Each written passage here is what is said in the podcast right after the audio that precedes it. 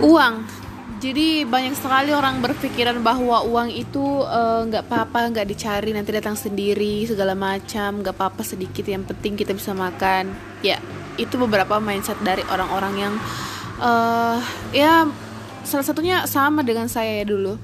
Tapi sekarang kalau misalnya kita bertambah dewasa bertambah hari bertambah usia bertambah waktu kita pasti mindset kita tuh pasti berubah otomatis dengan um, nyatanya bahwa kita tuh perlu uang banget gitu loh ya. Bukan bukan masalahnya bilang uang itu uh, bukan segalanya memang bukan segalanya. Cuman kita perlu kita perlukan ya. Jadi gimana ya?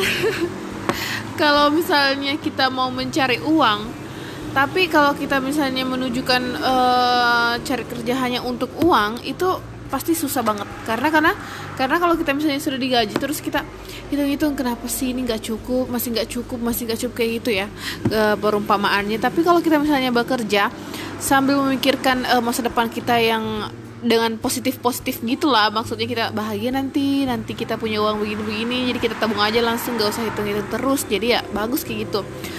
Nah banyak orang yang kayak uh, bilang aduh aku udah kerja nih tapi gaji gue tuh masih kurang-kurang gitu gitu loh gitu gitu. Kita nggak usah permasalahan itu sih. Step uh, step terima gaji kita tuh harus menabung gitu loh. Bersedekah gitu loh. Untuk kayak kita tuh harus berpikir dengan positif gitu. Nggak usah langsung kayak eh, sedikit sedikit banget sedikit sedikit banget. Oh my god itu sangat membuat kita pusing. Jadi uang itu memang diperlukan sangat diperlukan sekali. Tapi bukan segalanya emang ya. Karena bahagia kan juga nggak bisa dibeli dengan uang gitu seperti itu.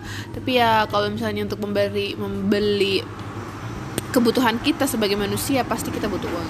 Oke, okay, bye.